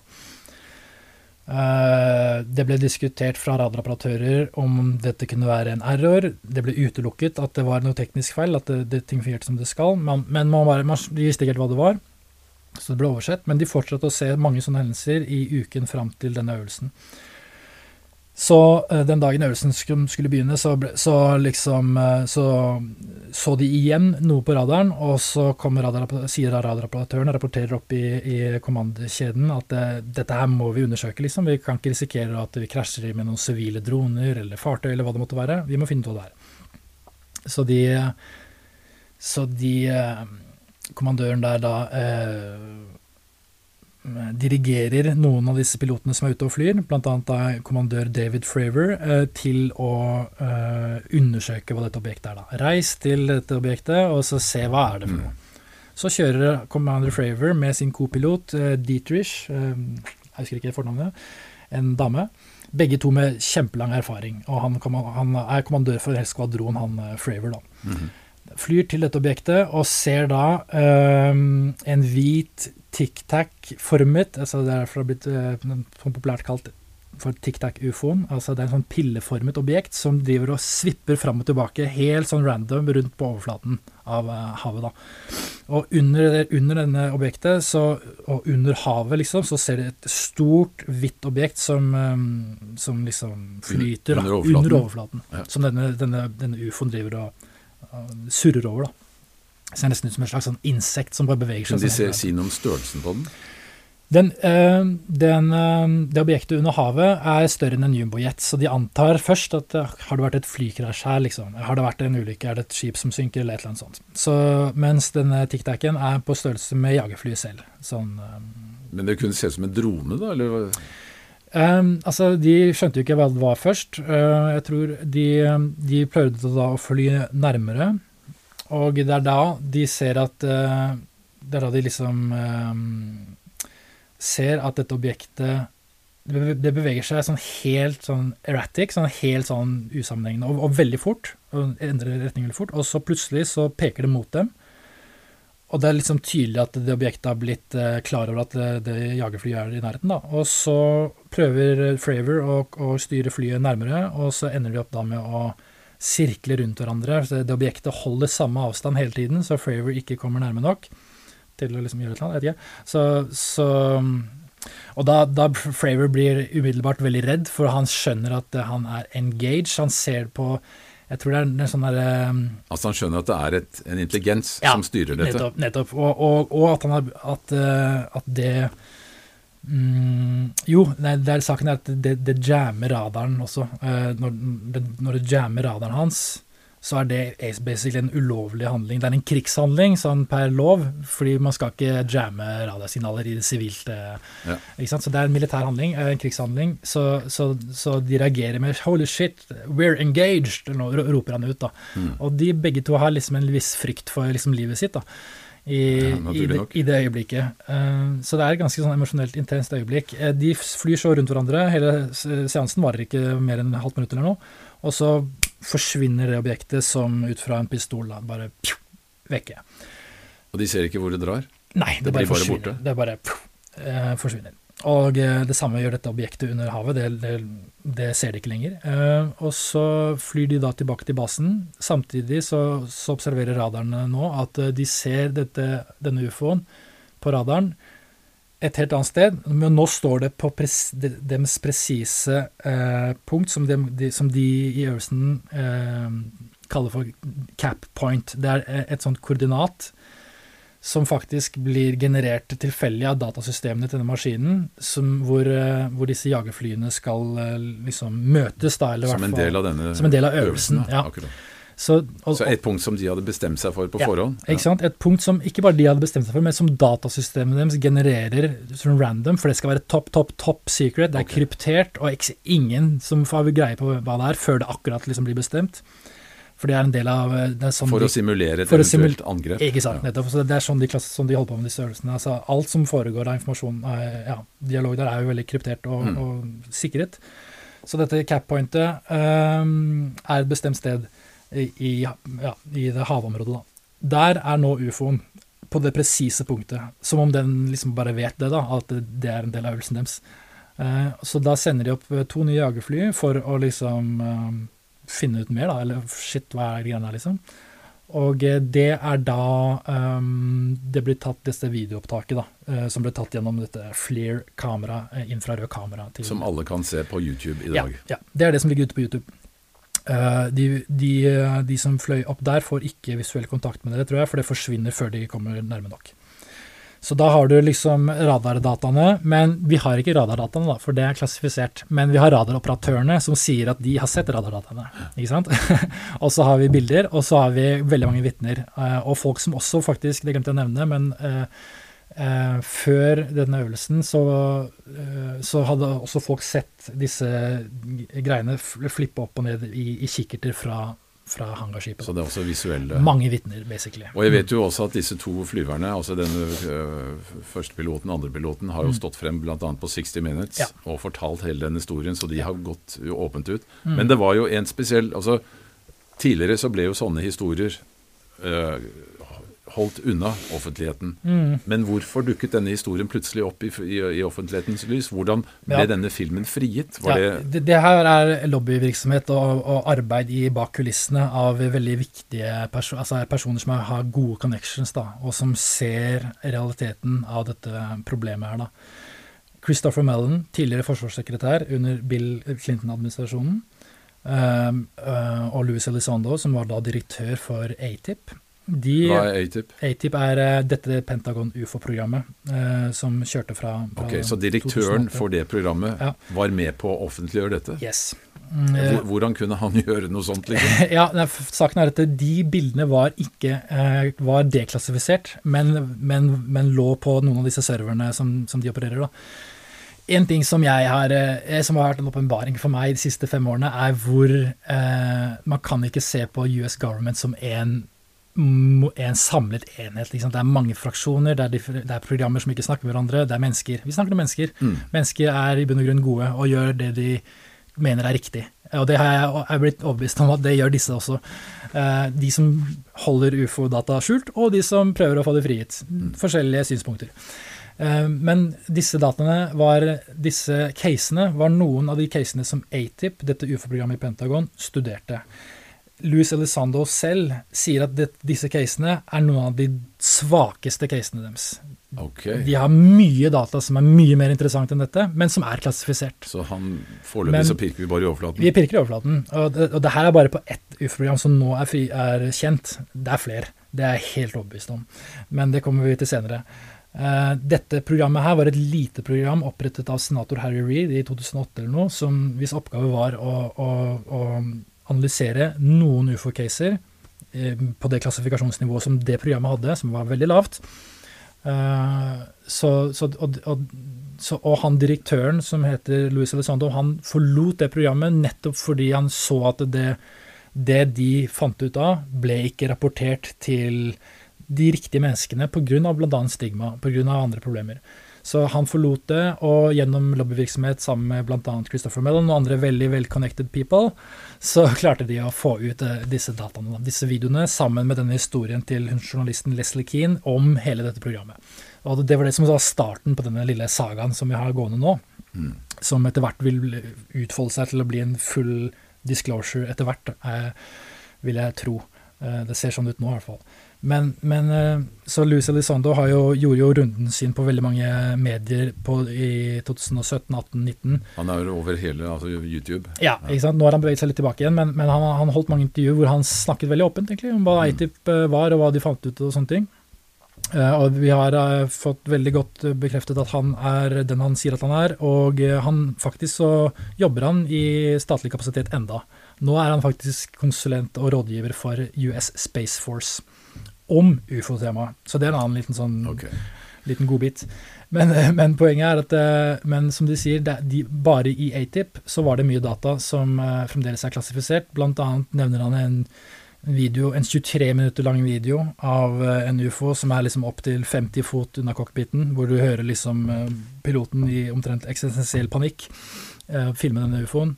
Klassifisert. Uh, en annet bilde av et svært angivelig triangulært objekt som kommer opp av havet. Uh, som også har blitt sett av flere insiders, som også har lekket ut. Klassifisert. Det har også vært et argument lenge. Det har også vært litt sånn interessant, sånn dårlig argument. Hvis myndighetene hadde holdt ufo-realiteten hemmelig, de hadde ikke klart det. Det hadde lekket all over the place. Og det har lekket all over the place, men alle gir F i alle lekkasjene, fordi det passer ikke inn i virkelighetsbildet. Det har lekket og lekket og lekket. Eh, liksom, som du nevnte, John, altså Edgar Mitchell, fra arkivene hans, så har det lekket et eksplosivt memo eh, som heter The Davis Wilson Memo, som er et memorandum eh, av en forsker som er i samtale med en, eh, en admiral på, på 2000-tallet, hvor de snakker om eh, et ufo-program som studerer ufoer, men ikke bare studerer ufoer, men som har en crashed, eller som har en disk i sin eh, besittelse, som de forsker på og prøver å forstå teknologien bak. da. Ikke laget av mennesker. Det er det ordene som blir brukt i det mem mem memorandumet, som er eh, om ikke beviselig ekte, så er veldig gode argumenter for at det er ekte. Og eh, et av disse, og det, den høringen du nevnte, så var dette memorandumet en, eh, en ting som ble tatt opp da, i høringen. Eksplosivt, liksom. Altså det, dette er jo helt utrolig egentlig, fordi uh, disse tingene har jo uh, vært fremme i uh, offentligheten i eh, mange, mange, mange år. Eh, og spesielt etter annen verdenskrig så ble det jo, var det jo en flom av sånne observasjoner.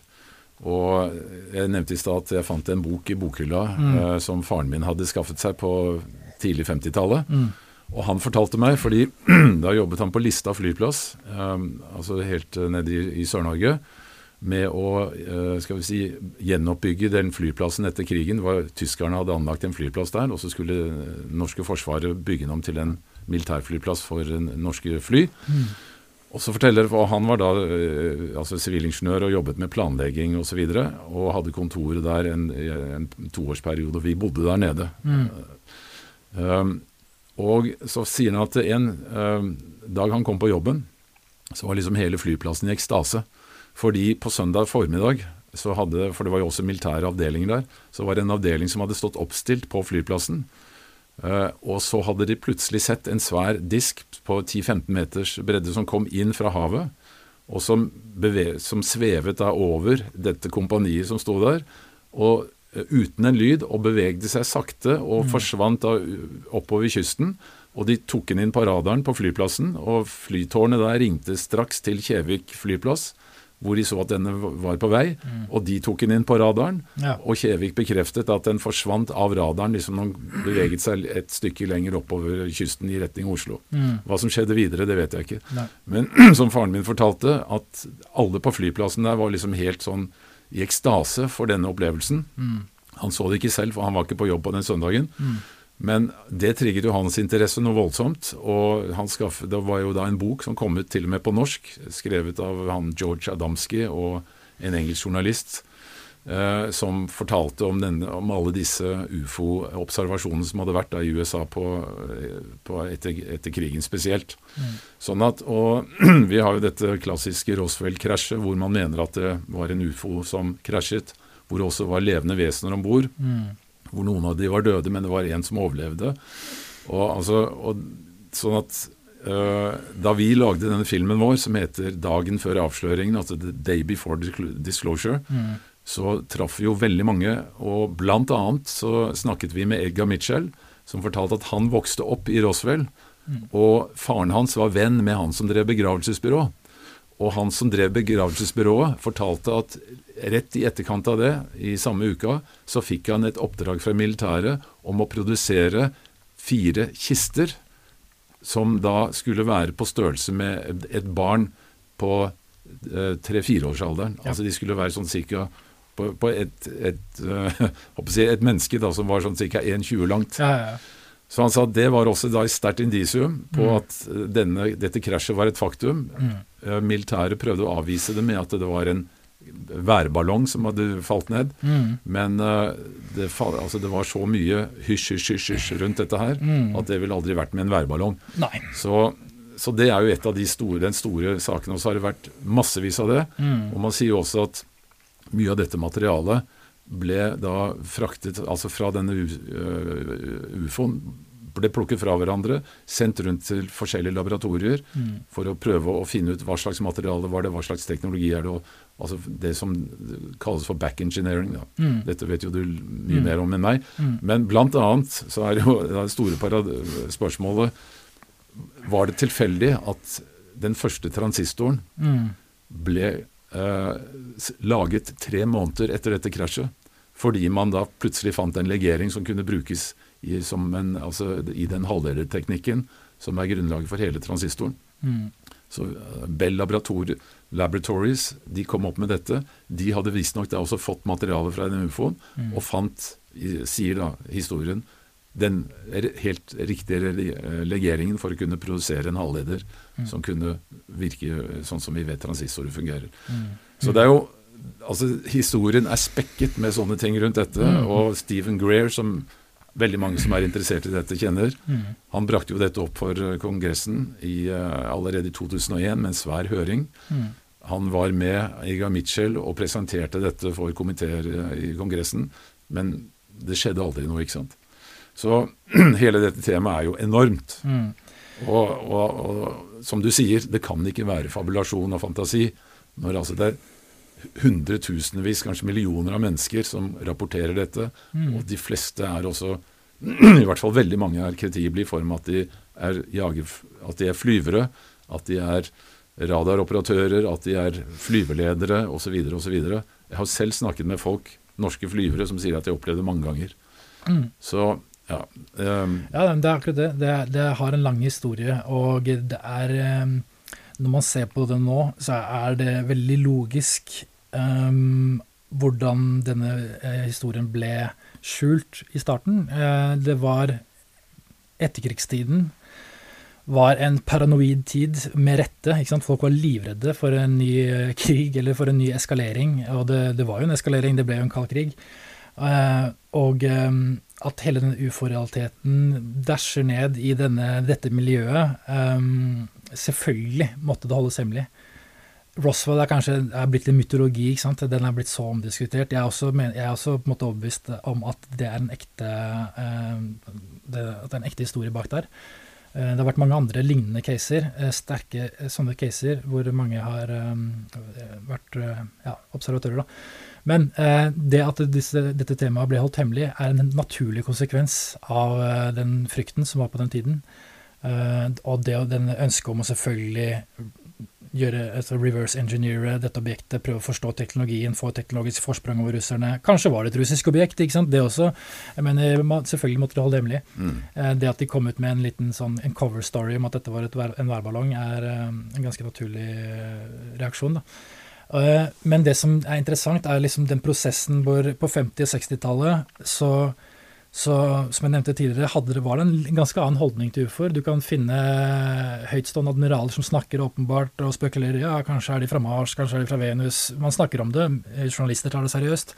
Men så eh, forplanter det seg en ganske annen holdning, fordi du har eh, dokumenterte operasjoner som heter Operation Mockingbird, andre operasjoner som Blue Book, studier, eh, skallstudier som ble, som ble iverksatt kun for å diskreditere og mm. latterliggjøre alt som hadde med ufo-fenomenet å gjøre. Da. Og På 50-tallet var det sykt mange observasjoner, og det ble et problem rett og slett, at det var så mange som ringte og rapporterte inn. Eh, mm. At det, var, det ble sett på som nødvendig da, å måtte stilne den samtalen der litt faderlig kvikt. Eh, og det ble gjort med ganske stor suksess. Eh, kanskje altså, litt for suksessfullt, fordi den stigma har jo for... altså det, er jo ingen, det er jo ingen journalist uh, i uh, noe norsk medium som vil ta i den saken. Fordi Nei. du blir jo da sett på som en uh, Altså, du mister kredibilitet. Ja, du sant? blir en konspirasjonsteoretiker, og ingen vil være det. Det er Nei. samfunnsnedbrytende å drive og anta at staten holder enorme hemmeligheter hemmelig. Ja. Men ja. Men altså for ikke, altså Dette er et tema som vi kunne snakket om i timevis. Mm. Men for å komme tilbake til det vi startet med, mm. altså dette at uh, denne Altså det at vi lever i et holografisk univers. Mm. Et, at vi er en del av en stor universell organisme. Så vil jo også dette med ufo selvfølgelig være en brikke som også da veldig lett faller på plass. Fordi sannsynligheten må jo være at det er liv i store deler av dette universet. Mm. Og nå vet jeg jo at etter at vi fikk dette siste webteleskopet, som gjør at vi kan se mye, mye lenger enn noensinne, så har man vel eh, spottet noe sånt som 40 milliarder uh, planeter mm. som kan ha forhold som ligner på vår jord. Eller un unnskyld øh, Jo. Ja, det er i hvert fall, altså Om det var 40 milliarder eller 40 millioner, husker jeg ikke, men i hvert fall så har man da altså spottet et tilsvarende vanvittig antall med galakser. Mm. Som da sannsynligvis inneholder det samme antallet. og de, altså, Man har spottet disse planetene i vårt eget solsystem. Eh, unnskyld, i vår egen galakse, mener jeg. Mm. Sånn at vår galakse er en del av et, mange, mange milliarder galakser. Mm. Og hvis du tenker at bare i vår galakse så er det mange millioner planeter som da har de samme forholdene. Og man har også sett at, at vann er tilgjengelig. Vann regner man med er en forutsetning for liv. Vann har man da sett at det finnes i veldig mange andre planetsystemer i vår galakse. Mm. Og Hvis du da ganger dette med antallet milliarder galakser som vi kan se, så sier du altså Det er helt fullstendig umulig å ja. tenke seg at vi skulle være det eneste stedet. Mm. Ikke sant? Sånn at igjen Uh, når du begynner å se på universet som en levende organisme, mm. og at alt henger sammen, mm. at alt kan kommunisere gjennom ormhull, mm. og også da de som kanskje er millioner av år foran oss i teknologi, som har utviklet seg et annet sted på en annet planetsystem mm. i en annen del av vår galakse, uh, kanskje, eller en annen galakse for den saks skyld. altså når du har sånne teknologier, så har jo de knekt disse kodene for lenge siden. Altså De vet hvordan de skal manipulere eller kontrollere gravitasjon. ikke sant? Mm. De vet hvordan de kan reise på kryss og tvers. Sånn at puslespillet Altså brikkene faller sammen. Og det, det igjen tilbake mm. Hva sier det om hvem vi er og hvor vi er på vei? Ikke sant. Uh, og nå, Det resonnementet du presenterer der, er et veldig sterkt uh, resonnement. Men likevel det, så er det begrenset til den, den, det fysiske universet. da. Vi har ikke engang begynt å snakke om andre dimensjoner og parallelle virkeligheter og ikke sant, andre nivåer. Så, og jeg er veldig var på å hoppe til konklusjoner på hva ufo-fenomenet er. Jeg er klinkende klar på at jeg har ikke peiling. Uh, men selvfølgelig, man får jo noen indisier gjennom de som har hatt nærkontakt. da, og det er de som vil eh, ja, altså de, de, som kanskje endelig vil bli sett, da, nå som vi begynner å ta det her seriøst. Eh, mm. Så det er jo en annen historie. Men, men, jeg var på å kalle disse objektene for produkter av en annen sivilisasjon. Er det om det er en teknologi som de har produsert, eller om det er eh, et annet fenomen som ikke vi ennå er kjent med, en annen type intelligens som kanskje har vært til stede på jorden fra livets begynnelse. Ehm, eller fra en parallell virkelighet. Ja, vi må ha alle kort åpne, da. Men selvfølgelig, det er et veldig, veldig sterkt argument det at det, sannsynligvis er liv veldig vanlig i universet. Så, så, all grunn til å være ydmyk, da, mener jeg, og ha, å ha alle muligheter åpne, og liksom gå vitenskapelig til verks med dette fenomenet. Eh, det er, det er ingen grunn til å feie det under teppet lenger. Det er det som er morsomt nå, er at eh, Kongressen eh, Nå har det jo vært det har vært veldig morsomt, for i de siste årene så har du sett en slags konflikt mellom Kongressen, som vil ha innsyn. De har forstått å ja, det her er faktisk virkelig. Det har foregått eh, programmer som har vært skjult for Kongressen i lenge, kanskje til og med ulovlige programmer. De har nå lyst til å ha innsyn. Hva er det Pentagon veit? Hvor lenge har dette pågått? Hva er det de har holdt skjult?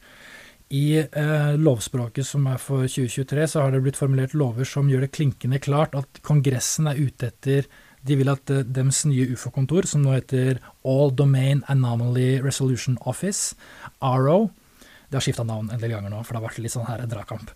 Men denne kontoret Eh, dems oppgave er å finne objekter, eh, eller finne alle disse casene som har blitt eh, lagret da, i Pentagons arkiver og sånne ting, som ikke er menneskelagde objekter. Altså Det står i Kongressens lovgivning Hvis det blir definert som et menneskelagd objekt, så passer det videre. Vi er interessert i det som ikke er lagd av mennesker. Det er ganske spredt at det, det, er formulert på den måten.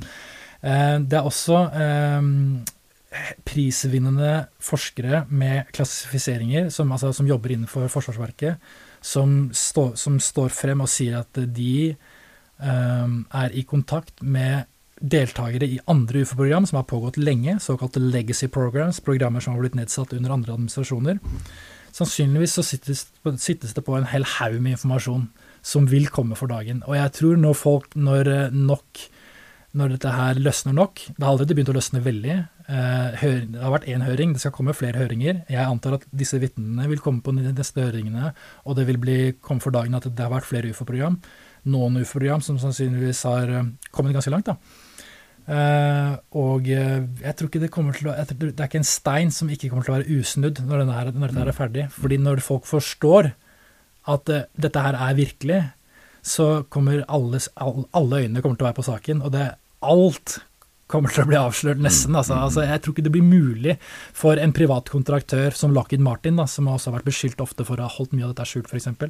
Eh, jeg, ikke, tror ikke det ville være mulig for dem å, å holde det skjult eh, lenger. Disse fryserne med entiteter, disse hangarskipene med angivelig eh, med intakte fartøy, som dette med memorandumet mm. som jeg nevnte, uh, indikerer. Det høres helt insane ut, og vi er nå på det stadiet hvor vi er veldig opptatt av objektene og deres teknologi og sånne ting. Men vi kommer til å komme til et punkt hvor vi er opptatt av hva er intelligensen mm. bak dette objektet. Hvilket formål har de? Hvorfor er de her? Liksom. Mm. Og det kan virke som om ufo-casen er liksom Ja, det var en, en, liten case i 2004, eller en stor case da, i 2004, og så kom det noen, noen tiår etter så, at det er få caser, da. Men disse pilotene som står for dem nå, og som snakker med Kongressen, de sier at de har deltatt i øvelser, daglige øvelser i over et år, hvor de ser ufoer hver dag. Hver dag. Mm, titalls ufoer daglig. Eh, og det har vært så stort problem at de har vært redd for å, å krasje med dem, liksom. Eh, det har vært enormt mange caser, og mange av disse casene nå blir rapportert inn til bl.a. Anomaly Resolution Office. Eh, og det blir presentert nå, altså i, på ukentlig basis. Denne måneden her har det vært flere incidents, liksom. Eh, det, det, skjer hele tiden. Det er mye, og det er ifølge Kongressens rapport nå en eskalerende situasjon. Da. Mm. Så kanskje er det en dialog her hvor denne intelligensen også ønsker å bli mer sett. Det er også mulig at de drar litt i trådene eh, på vår, eh, ja, vårt virkelighetsbilde. Da. Mm. Så, Men Mm. Ja, altså det er helt uh, det er, Jeg får helt altså ståpels ja, av dette her når jeg begynner å tenke sånn. Mm. Fordi uh, det det også forteller oss, er at uh, de Altså for å kunne oppføre seg sånn, da, mm. som, som, de tydeligvis gjør, ja. altså bryter våre kjente fysiske lover, Nettopp. så betyr det at de bl.a.